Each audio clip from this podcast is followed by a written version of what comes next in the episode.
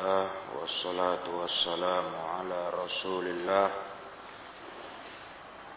وعلى آله وصحبه ومن والاه.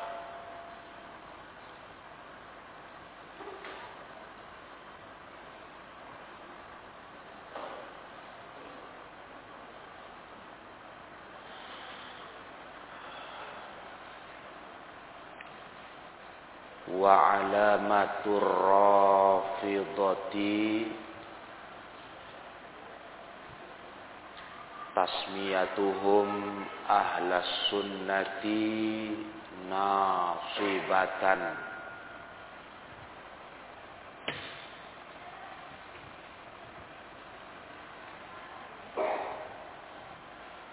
Kita sekarang bicara masalah ciri-ciri Rafidah.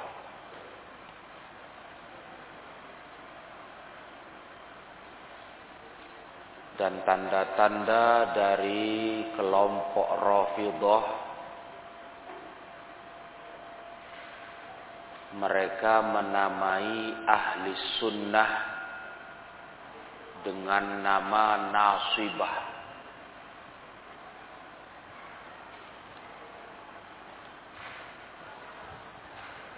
Apa arti nasibah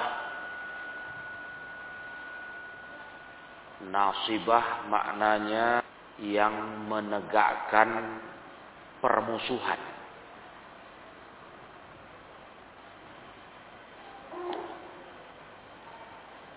Yang menegakkan permusuhan terhadap ahlul bait. Terhadap ahlul bait.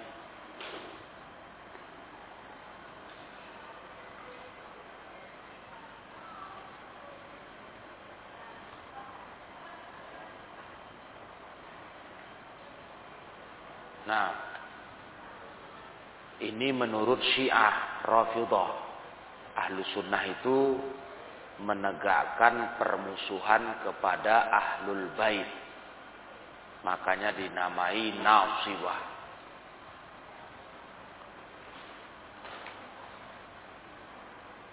Nasoba. Ya dari kata-kata nasoba. Menegakkan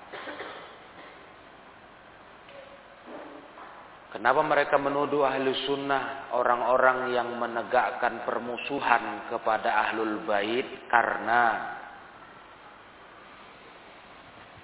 ahlu sunnah tidak mau mengikuti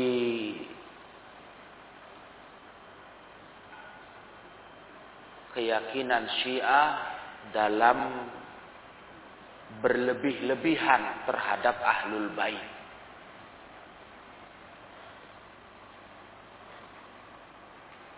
Sebab orang Syiah, Rafidah, mereka hulu.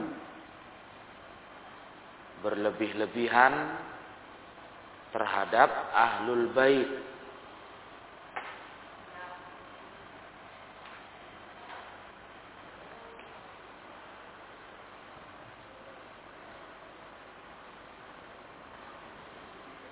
Sampai-sampai orang-orang Rafidah ini menyembah Ahlul Bait.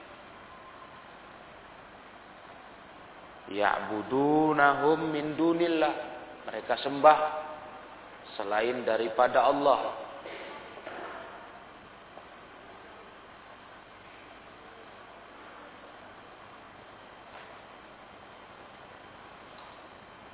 Jadi karena ahlu sunnah nggak mau menyembah ahlul bait hanya mencintai menghormati menghormati ahlul bait nabi. Ahlul bait artinya kan keluarga nabi. Menghormati istri nabi. Ya, mereka nggak suka. Kalau mereka maunya kita itu mengagungkan ahlul bait berlebih-lebihan sampai disembah. Itu maunya syiah rafidah Ahlu sunnah tidak begitu. Maka mereka tuduh ahlu sunnah memusuhi ahlul bait. Mereka namai dengan nama nasibah. Paham Ahlul bait ini maksudnya keluarga Nabi ya. Nah, cuma yang lucunya mereka yang mengaku-ngaku mencintai ahlul bait malah mencaci maki istri Nabi. Nah, istri Nabi keluarga Nabi enggak? Ahlul bait enggak? Ahlul bait. Tapi malah dicaci maki oleh Syiah. Seperti mereka menghina Ummul Mukminin Aisyah Jadi rupanya yang namanya mencintai ahlul bait menurut orang Syiah Rafidah itu rupanya mencintai keluarga Nabi hanya dari jalur Fatimah istri Ali bin Abi Thalib. Cuman itu.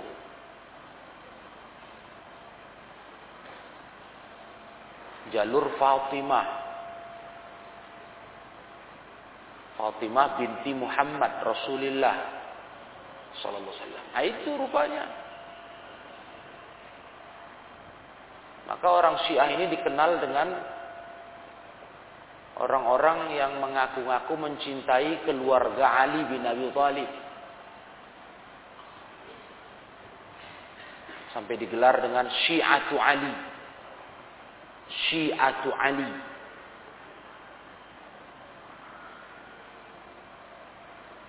Kalimat Syiah kalian harus kenal ya. Rafidah harus kenal. Kalimat Syiah, kata Syiah itu itu maknanya condong dan cinta. Al-mail wal mahabbah, condong dan cinta. Itu arti Syiah. Jadi kalau kalian nanti dengar kajian orang Syiah, orang Syiah, apa itu Syiah? Syiah itu maknanya condong dan cinta. Karena mereka mengaku condong dan cinta kepada ahlul bait. Khususnya kepada keluarga Khalifah Ali bin Abi Thalib dengan istrinya Fatimah binti Muhammad Rasulullah Sallallahu Alaihi Wasallam. Maka mereka dikatakan Syiah. Sudah paham kalian istilah Syiah? Dan kelompok ini muncul dia di zaman Khalifah Ali bin Abi Thalib. Munculnya pertama. Di zaman Khalifah Ali bin Abi Thalib. Tapi kelompok ini sesungguhnya bukanlah kelompok Islam. Karena pencetusnya pencetusnya yang pertama membuatnya itu adalah orang Yahudi yang pura-pura Islam.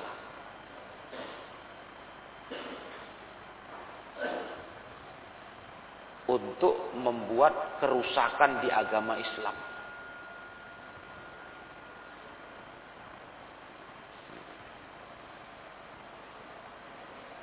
Jadi kalau kita bilang istilah sekarang seperti sebuah perencanaan makar ke Islam. Waktu itu kan terjadi pemberontakan. Khawarij, ingat kalian? Orang Khawarij memberontak kepada Khalifah Ali. Kan kacau, suasananya kacau. Namanya pemberontakan. Jumlahnya nggak kecil. Dalam satu riwayat sampai 12 ribu orang. Pemberontak. Jadi suasana kacau. Pemerintah pun jadi terganggu karena ada pemberontak. Mereka orang-orang yang militan, tahu militan kalian? Orang-orang yang keras dengan keyakinannya. Kita sudah belajar tentang siapa khawarij, orang-orang yang taat beribadah, sahih? Jadi kalau beragama ini nggak main-main mereka, gitulah. Kalau berontak betul berontak, nggak ecek-ecek. Jadi kacau. Nah, di tengah kekacauan itulah muncullah kelompok Syiah. Dibuat kelompok Syiah. Nah, alasannya kita harus buat barisan membela Ali. Nah, itu dia. Makanya dikatakan Syiah karena mereka condong cinta kepada Ali bin Abi Thalib. Pengakuannya kami grupnya Ali gitu. Mau bela Khalifah Ali.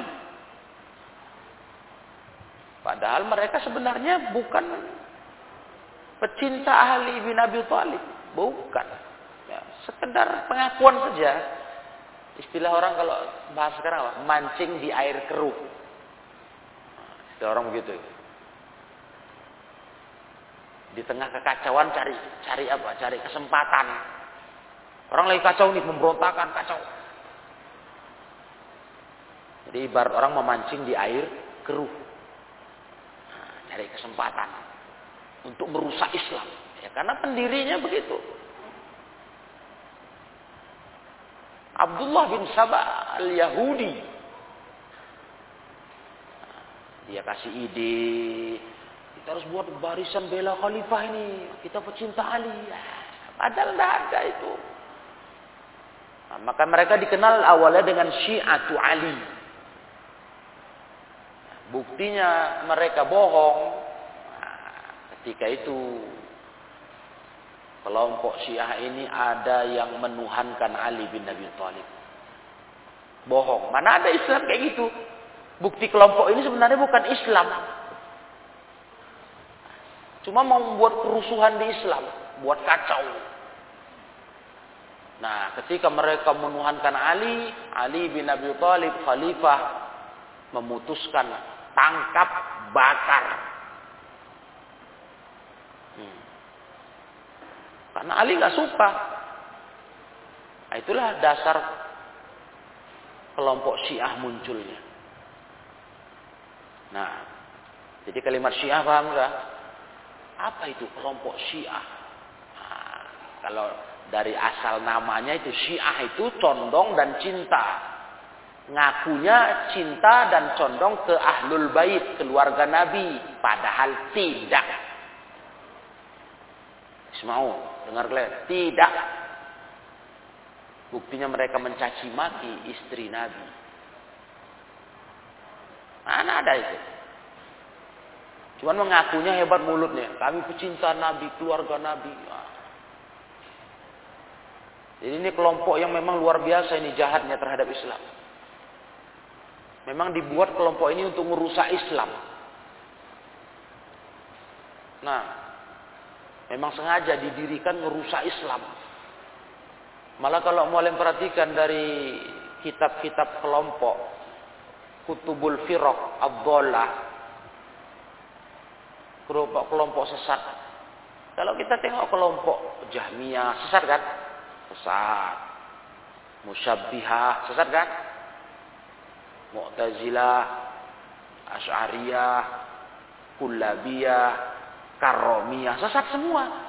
Tapi kelompok itu didirikan tidak dengan niat awalnya ngerusak Islam enggak Cuma memang sesat aja otak pendirinya. Salah jalan. Enggak niat dia mau menghancurkan Islam. Ya, kalian ingat kelompok Jamiah kenapa membuang sifat Allah? Apa niatnya? Mensucikan Allah. Dengar tuh. Bukan mau merusak Allah. Cuman salah cara. Mereka inginnya tanzihullah. Itu kelompok sesat dibuat atau di, dicetuskan pendirinya, tokohnya, enggak niat merusak Islam, enggak. Ingat musyabbihah, siapa pendirinya? Muqatil bin Sulaiman. Ahli tafsir.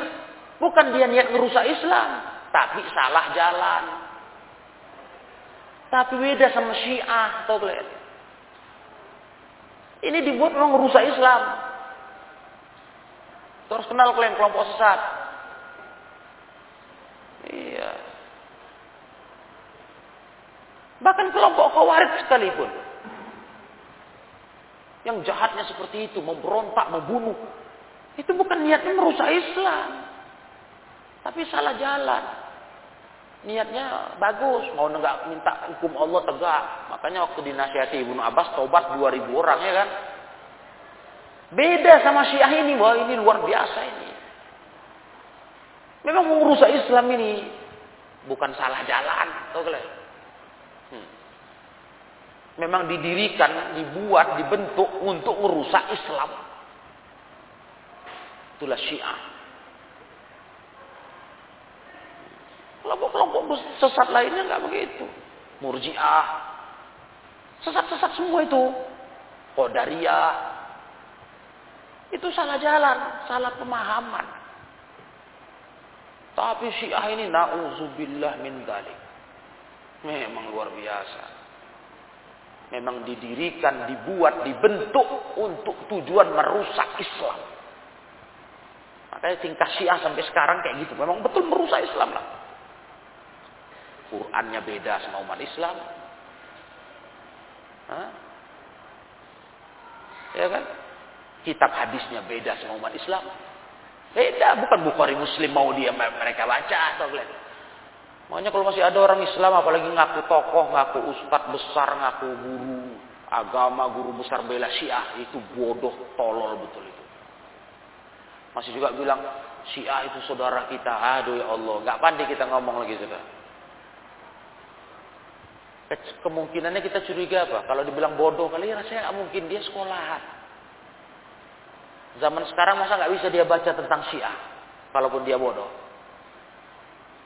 Mungkin dia agen Syiah. Nah, itu malah kita curiga. Agennya dia itu, calonnya, kaki tangan, istilah orang ya. Kalau tokoh-tokoh sekarang kalian tengok katanya guru besar begini begini bela Syiah itu malah kita curiga kaki tangan itu ya Syiah juga dia itu kalau dia nggak Syiah nggak mungkin itu karena Syiah ini terlalu nampak terlalu jelas sesatnya nggak ada samar-samar lagi nggak ada terang benderang Paham Jadi kalau saya dari sisi warna, warnanya jelas. Bukan belang-belang. Nah, belang-belang masih lumayan bingung kita. Kalau ada yang belang-belang, warna apa itu? Apa ya? Karena belang-belang banyak warna. Tapi si enggak, satu warna sudah jelas. Em tuh. Nah, itu makasih ah itu kelompok yang luar biasa jahatnya. Makanya kata salah satu ulama, Asy-Syaikh As-Suhaimi, Islam ini tak pernah difitnah, dirusak lebih besar dengan dibanding dengan dua fitnah kelompok sesat. Yang pertama Sufi, yang kedua Syiah. Tidak pernah Islam difitnah, dirusak oleh kelompok sesat melebihi dua kelompok ini. Kelompok lain merusak juga sih. Merusaklah Asy'ariyah, Jahmiyah dan sebagainya. Merusak, tapi yang paling parah, paling jahat dua ini. Dan memang dua ini sampai sekarang ini bersaudara ini, tuh. Sampai sekarang. Satu sufi, yang kedua syiah. Cocok aja itu dua-duanya. Bekawan kali itu. Banyak sejalan mereka.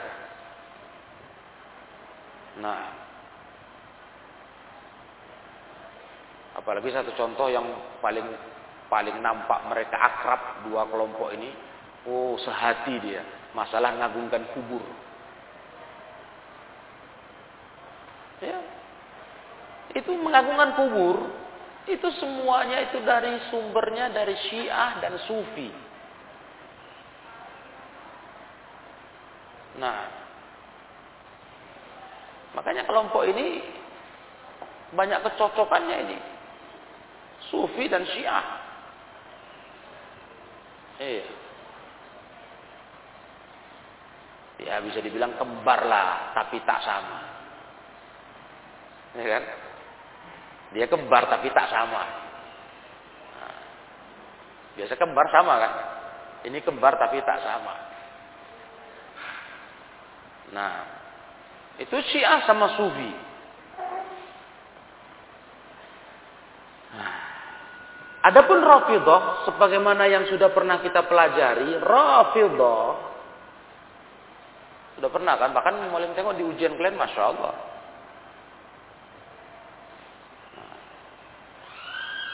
Betul-betul udah paham lah Rafidah. Kenapa dibilang Rafidah? Karena mereka ketika muncul kelompok itu mereka datang kepada Zaid bin Ali ibn al-Husain. Zaid bin Ali ibn al-Husain bin Abi Talib. Bin Ali bin Abi Talib. Zaid bin Ali bin al-Husain bin Ali bin Abi Talib. Jadi itu kelengkapannya. Jadi, jadi mereka datangnya kepada Zaid. Berarti Zaid ini cucu cicitnya Ali bin Abi Thalib. Jadi mereka datang kepada Zaid, mereka tanya kepada Zaid tentang Abu Bakar dan Umar. Gimana pendapat kau tentang Abu Bakar sama Umar? Kata orang Syiah kepada Zaid. Apa kata Zaid? Lihat jawaban Zaid. Zaid bin Ali bin Al-Husain bin Ali bin Abi Talib. Cicitnya Ali bin Abi Talib. Apa jawabnya? Huma wazir jaddi Rasulillah. Oh, Umar sama Abu Bakar sama Umar, kedua-duanya itu adalah menterinya kakekku, yaitu Rasulullah. Kan kakeknya Rasulullah itu kan ibarat kakeknya. Karena ibunya anak Rasulullah, Fatimah ya kan, nah, neneknya. Istri Ali kan Fatimah binti Rasulullah. Nah, gitu. Jadi kan Zaid ini membahasakannya Rasul itu kakekku, betul kan? Nah. Oh, itu Abu Bakar Umar itu menterinya. Kakekku. Berarti kan mulia. Marah orang Syiah mendengar jawaban itu. Marah mereka. Wah, nggak beres ini Zaid ini. Karena mau mereka jawabannya apa? Menghina Abu Bakar dan Umar. Mereka benci karena bagi mereka sebagaimana yang sudah kita belajar Abu Bakar sama Umar itu pengkhianat merebut jatah khalifah yang harusnya diambil Ali bin Abi Thalib kata mereka. Itu Syiah. Begitu mereka mendengar jawaban Zaid memuji Khalifah Abu Bakar Umar, mereka pun tak suka. Rafadu wa taraku. Nah, itu dia. Mereka meninggalkan Zaid. Tak mau lagi sama Zaid. Padahal katanya cinta ahlul bait ya kan. Nah, lihat. Kalau nggak cocok sama mereka, campakkan. Nah, begitu mereka meninggalkan Zaid, Zaid pun berkata, "Rafattumuni, rafattumuni." Kalian tinggalkan aku, kalian tinggalkan aku, kata Zaid. Wa antum rafidhi. Kalian memang rafidhi. Nah, itulah sejarah. Makanya dikenal dengan Syiah Rafidah.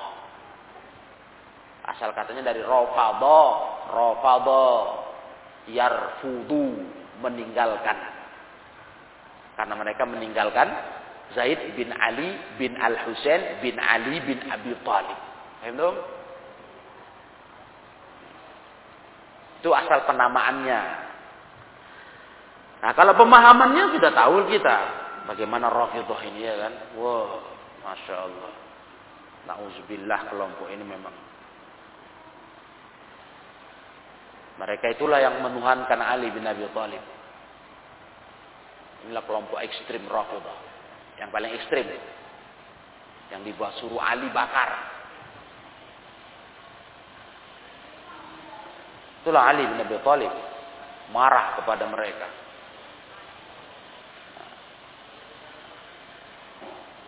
Apalagi kelompok lainnya yang sudah pernah kalian pelajari di pelajaran sebelumnya.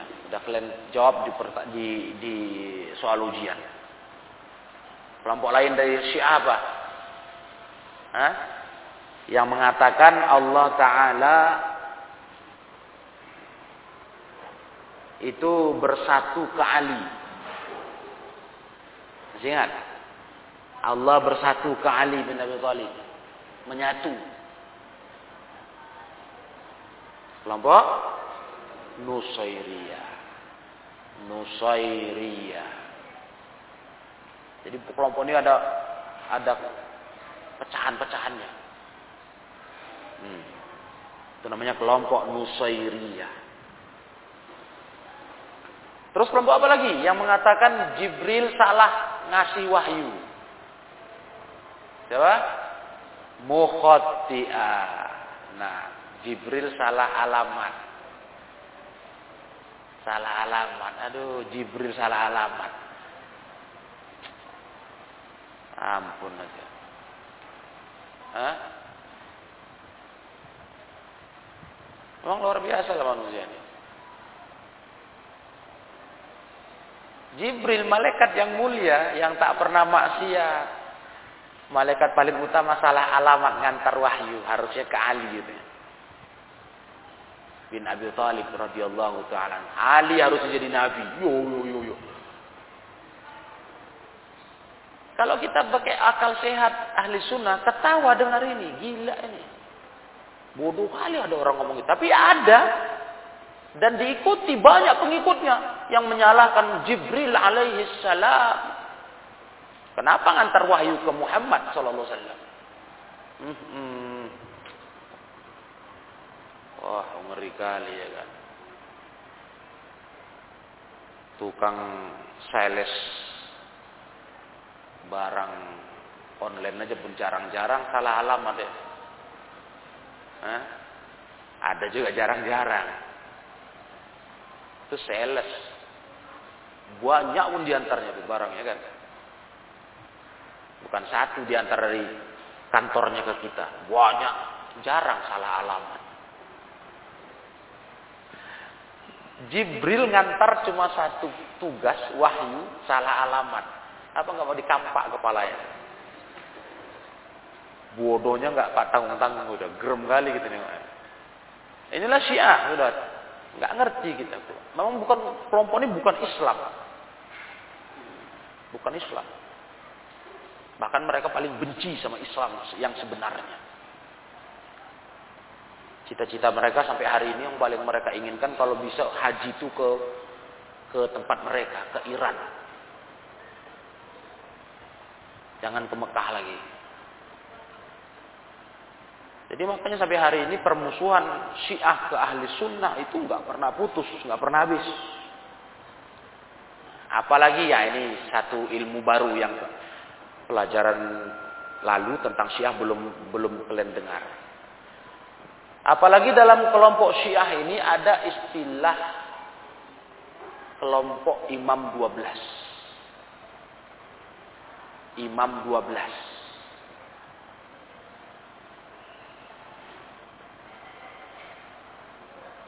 Siapa itu? Dia keturunan Ali bin Abi Thalib.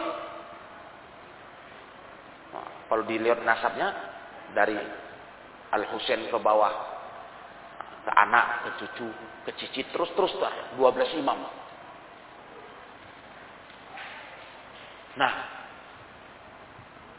kelompok ini yang ini yang sekarang di apa sana di Iran, di Irak, itulah dia. Ini punya keyakinan Imam Mahdi sudah ada. Imam Mahdi sudah ada. Cuma Imam Mahdinya sembunyi di gua. Nah, di Irak, daerah Irak, negeri Irak. Itu ada gua.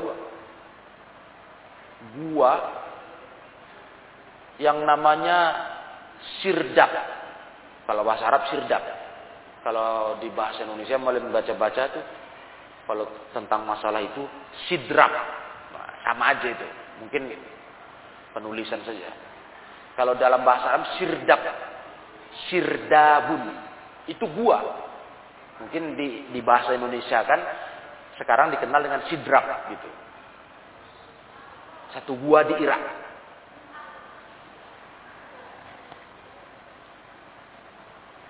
Nah, ini gua tempat bersembunyi Imam Mahdi. Imam Mahdi Al-Muntazor yang ditunggu. Kita pun juga umat Islam punya Imam Mahdi, cuma belum lahir ya kan. Karena Imam Mahdi dalam keyakinan umat Islam kapan lahirnya, munculnya? Di akhir zaman mau kiamat, soy. Salah satu tanda dekatnya kiamat lahirnya Imam Mahdi memimpin umat Islam tapi kalau versi orang Syiah Imam Mahdi yang ditunggu itu udah lahir. Tahu-tahu kalian lahirnya kapan? Tahun 255 Hijriah lahirnya.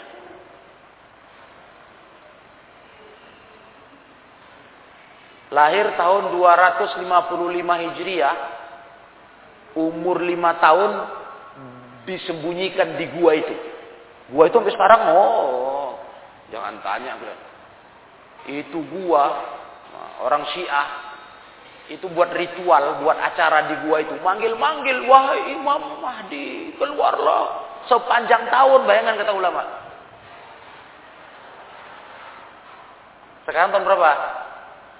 1400 berapa? Hijriah aku nggak tahu. Tahunnya tahun Masehi. Tahun baru tahu kalian. 1443 Hijriah nggak ngerti santri. Kalau saya tahu dia. 1443. Kalian kurangi tahun lahirnya si Imam Mahdi versi Syiah ini. 255. Berapa? Berapa jaraknya? Dari 255 sampai 1443 sekarang. Berapa tahun? Hah? Sekitar 1183 ya. Eh. Betul nggak? Ya sekitar itulah. Hampir 1200 tahun lah berarti. Nggak keluar-keluar. Jadi ngapain dia di, di dalam gua itu? Kan bodoh kali orang Syiah ini, Pak. Itu dipanggil, ya, oh itu ritualnya ngeri itu kalau kalian tengok.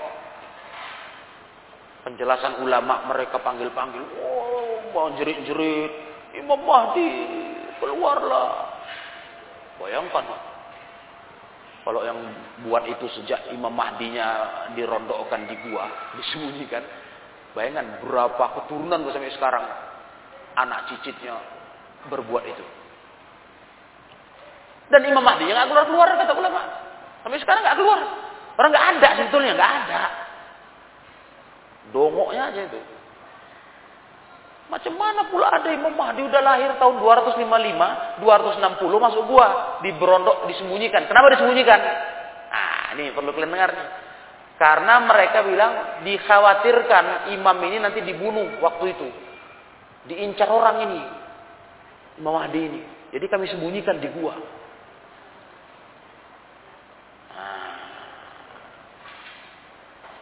Dah paham nih semua?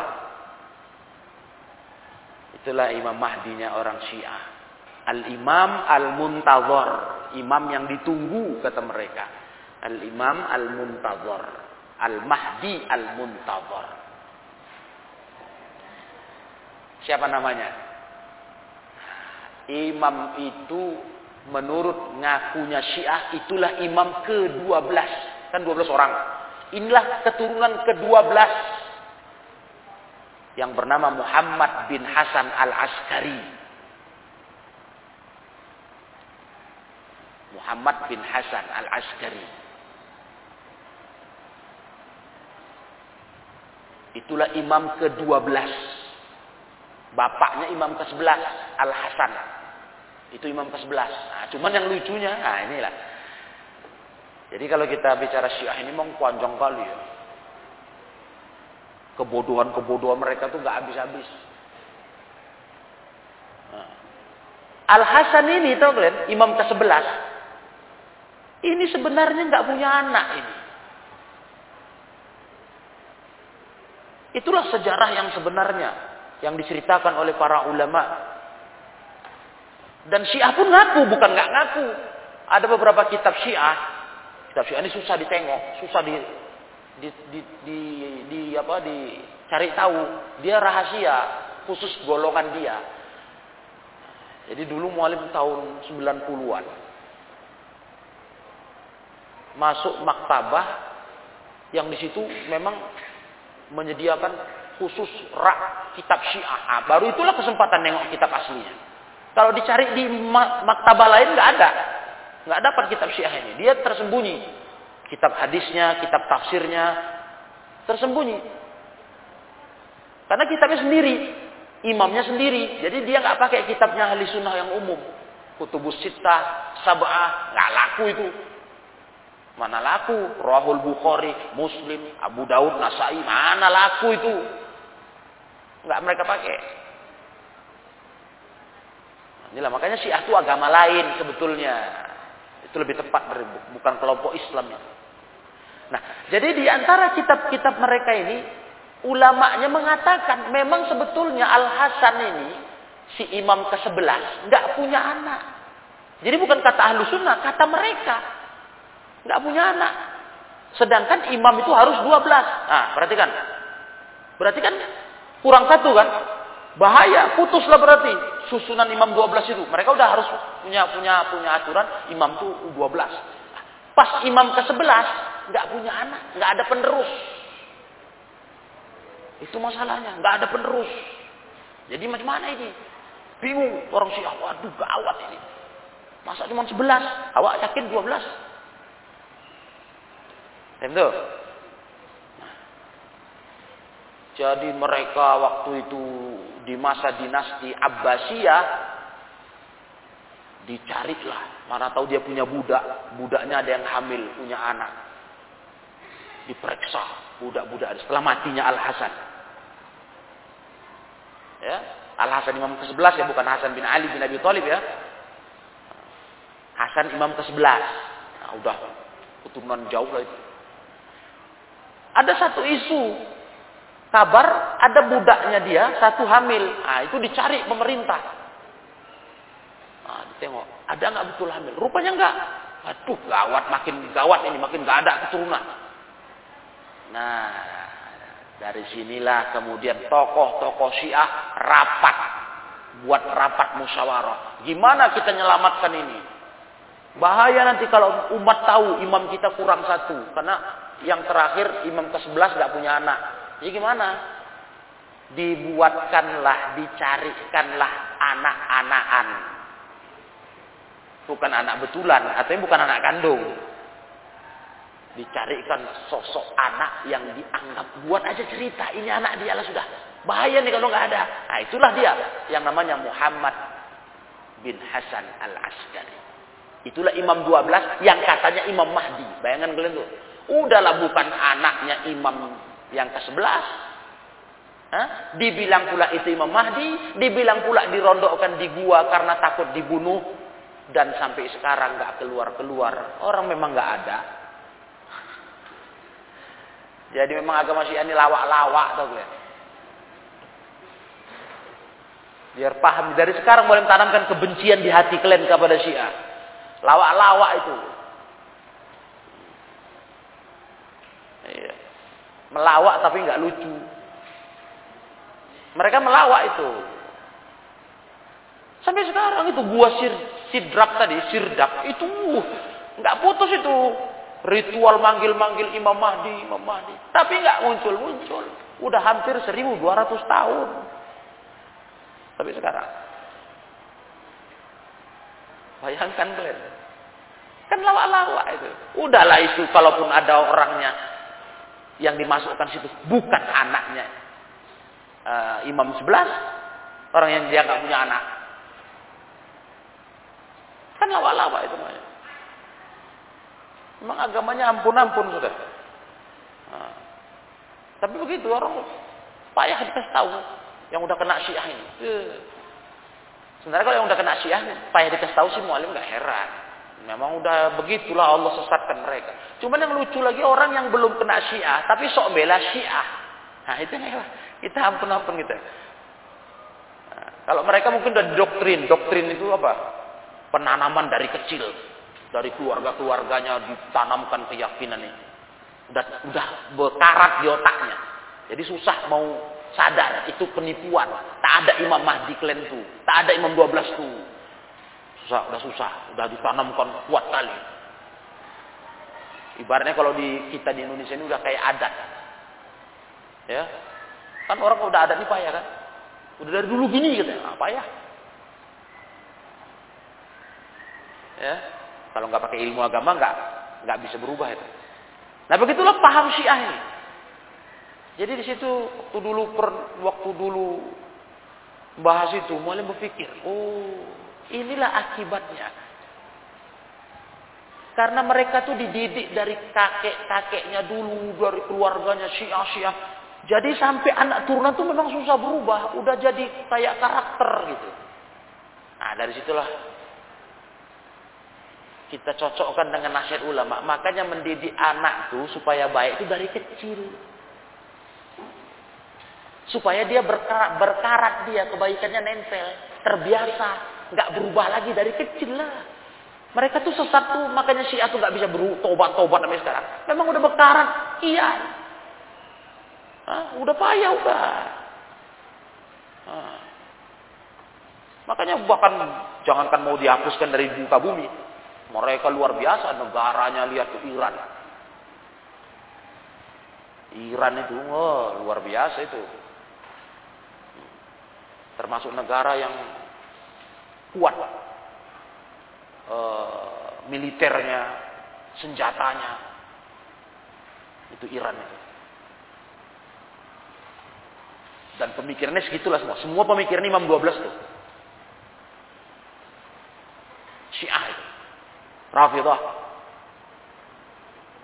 Nah, jadi itu rupanya. Jadi sisi positifnya kita bisa paham. Berarti mengkader orang jadi baik, jadi ahli sunnah itu dari kecil.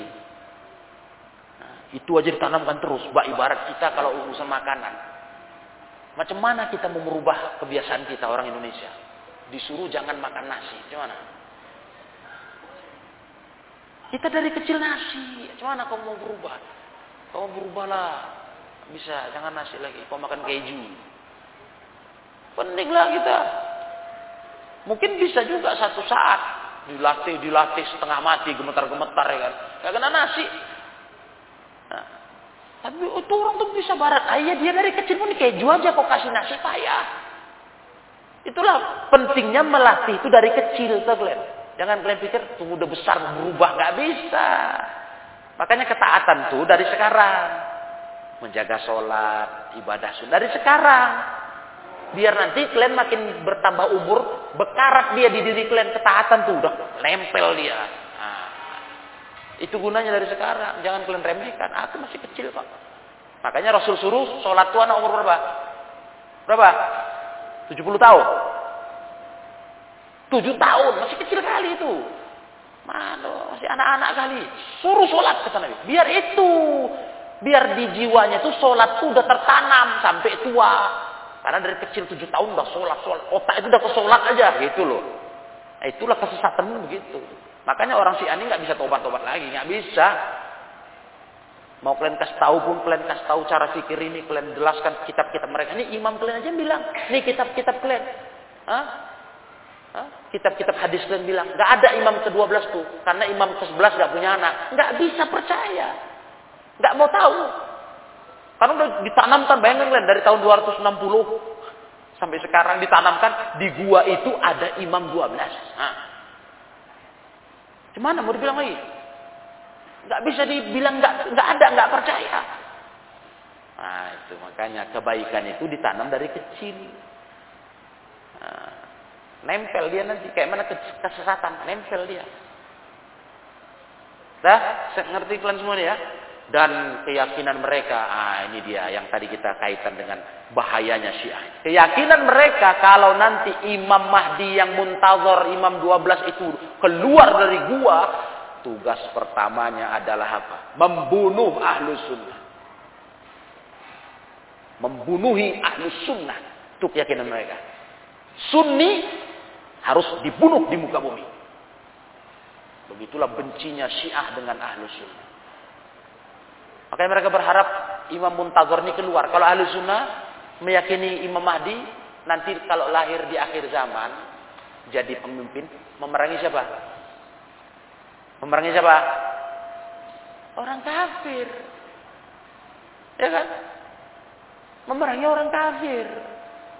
Tapi tidak bagi Syiah Imam Mahdi yang mereka tunggu keluar itu memerangi ahlu sunnah dan menghancurkan Masjidil Haram dan Masjid Nabawi. Itulah di kitab Syiah. Bukan kita karang. Keyakinan orang Syiah Imam Mahdi yang ditunggu-tunggu itu belum keluar juga sampai sekarang. Kalau keluar kata mereka, tugas dia adalah menghancurkan Masjidil Haram dan Masjid Nabawi dan membunuh semua orang berpaham Sunni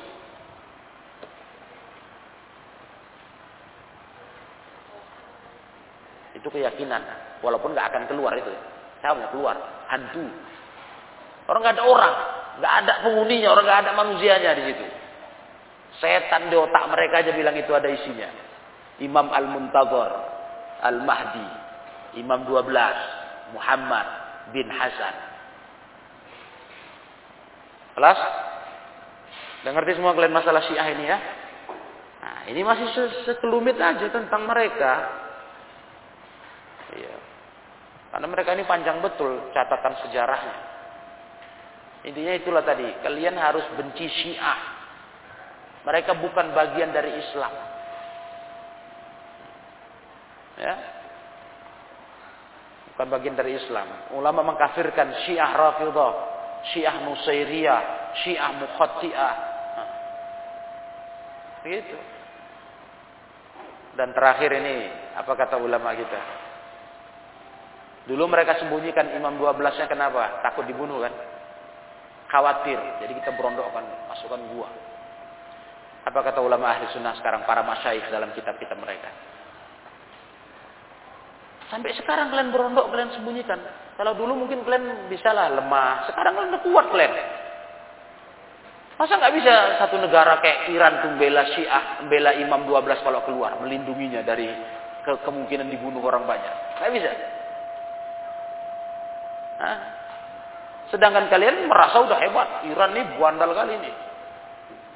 Hmm. Terkenal betul ini. Kan udah hebat punya negara. Masa nggak bisa melindungi seorang Imam Mahdi, imam yang dijunjung tinggi. Makanya suruh keluar. Kalau nggak geruduk aja rame-rame. Cari. Seret keluar kan itu kan. Apa tunggu-tunggu lagi? Udah penting kali dia keluar tuh. Udah lama kali pula. Udah hampir 1200 tahun berondo, mendem aja. Betapa. Maunya kalau gitu tuh gak usah tunggu-tunggu suruh keluar. Dicari, masuk gua tuh rombongan. Senteri cari, tangkap, bawa keluar. Ah, gitulah. Udah penting kali soalnya, udah lama kali. Lagi pula kenapa ditakutkan lagi disembunyikan di gua itu? Kalian udah kuat sekarang, banyak senjata kalian, banyak masyarakat rakyat, negara pun kalian kuasai. Iran, Irak sekarang pun mereka. Kalau dulu Irak tuh zamannya Saddam Hussein presidennya itu anti Irak, anti Syiah. Setelah dia tumbang, kalah, mati, wah Irak, uh, Iran merajalela di situ. Paten kali kalian dong. Oh, negara kalian udah mantap kan. Sekarang lagi lima tahun belakang ini tambah pula berkembang sekarang. Yaman ya kan? Yaman kan dong. Tumbang pemerintahan negara negara Yaman. Presidennya lari. Karena diberontak oleh Husi, Syiah. Oh, kan patin udah makin berkembang kalian. Kenapa nggak bisa kalian suruh keluar itu Imam Mahdi? Kalian lindungi, jangan terganggu orang. Kalian udah hebat. Kayak malam kalau usul dicari, jangan ditunggu-tunggu di luar gua. Berapa kali dalam gua itu? Nggak mungkin sedalam neraka jahanam ya. Cari aja. Oh. Berapa banyak kalian masyarakat Syiah cari ke dalam gua tuh. Seret keluar, minta tolong sama dia. Makanya betapa udah membatu itu udah. Kalau betapa udah membatu itu. Belumut tuh dia. Mereka nggak mau itu, nggak mau, karena nggak ada. Sebenarnya otak mereka tuh, gimana kita bilangnya? Mungkin kita pikir juga mereka, kok nggak keluar keluar, kita cari aja yuk. Cuman entah kenapa, mungkin dia yakin, tapi nggak ada sebenarnya ini nggak ada ini. Perasaan kita aja dia ini ada. Cuman dah itulah tadi udah tertanam kuat di otak itu kesesatan, payah dicabut lagi ya kan. Udah mengakar-ngakar ke anak turunan dari ayah, anak, cucu, cicit, cicit apa lagi namanya nggak tahu lagi itu dah. Udah lama kali sampai sekarang? 1200 tahun? Kurang lebihnya. Nah, Jadi itu dia. Harusnya begitu. Cuman ya itulah. Allah sesatkan siapa yang Allah mau. Allah beri petunjuk siapa yang Allah mau. Ilahuna. Jadi habis sudah. Sampai di sini tentang masalah ciri-ciri kelompok sesat. Penamaan mereka ke ahli sunnah dengan nama-nama yang buruk itu sudah membantu kita melihat ciri-ciri mereka. Kalaupun sekarang nggak dapat, nggak dengar kalian Syiah bilangin kita nasibah, ya nggak apa-apa.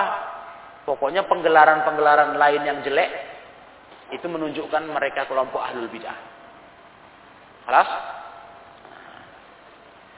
Ilahuna. Wallahu a'lam bis-shawab. Subhanakallahumma wa bihamdik asyhadu an la ilaha illa anta astaghfiruka wa atubu ilaik walhamdulillahi rabbil alamin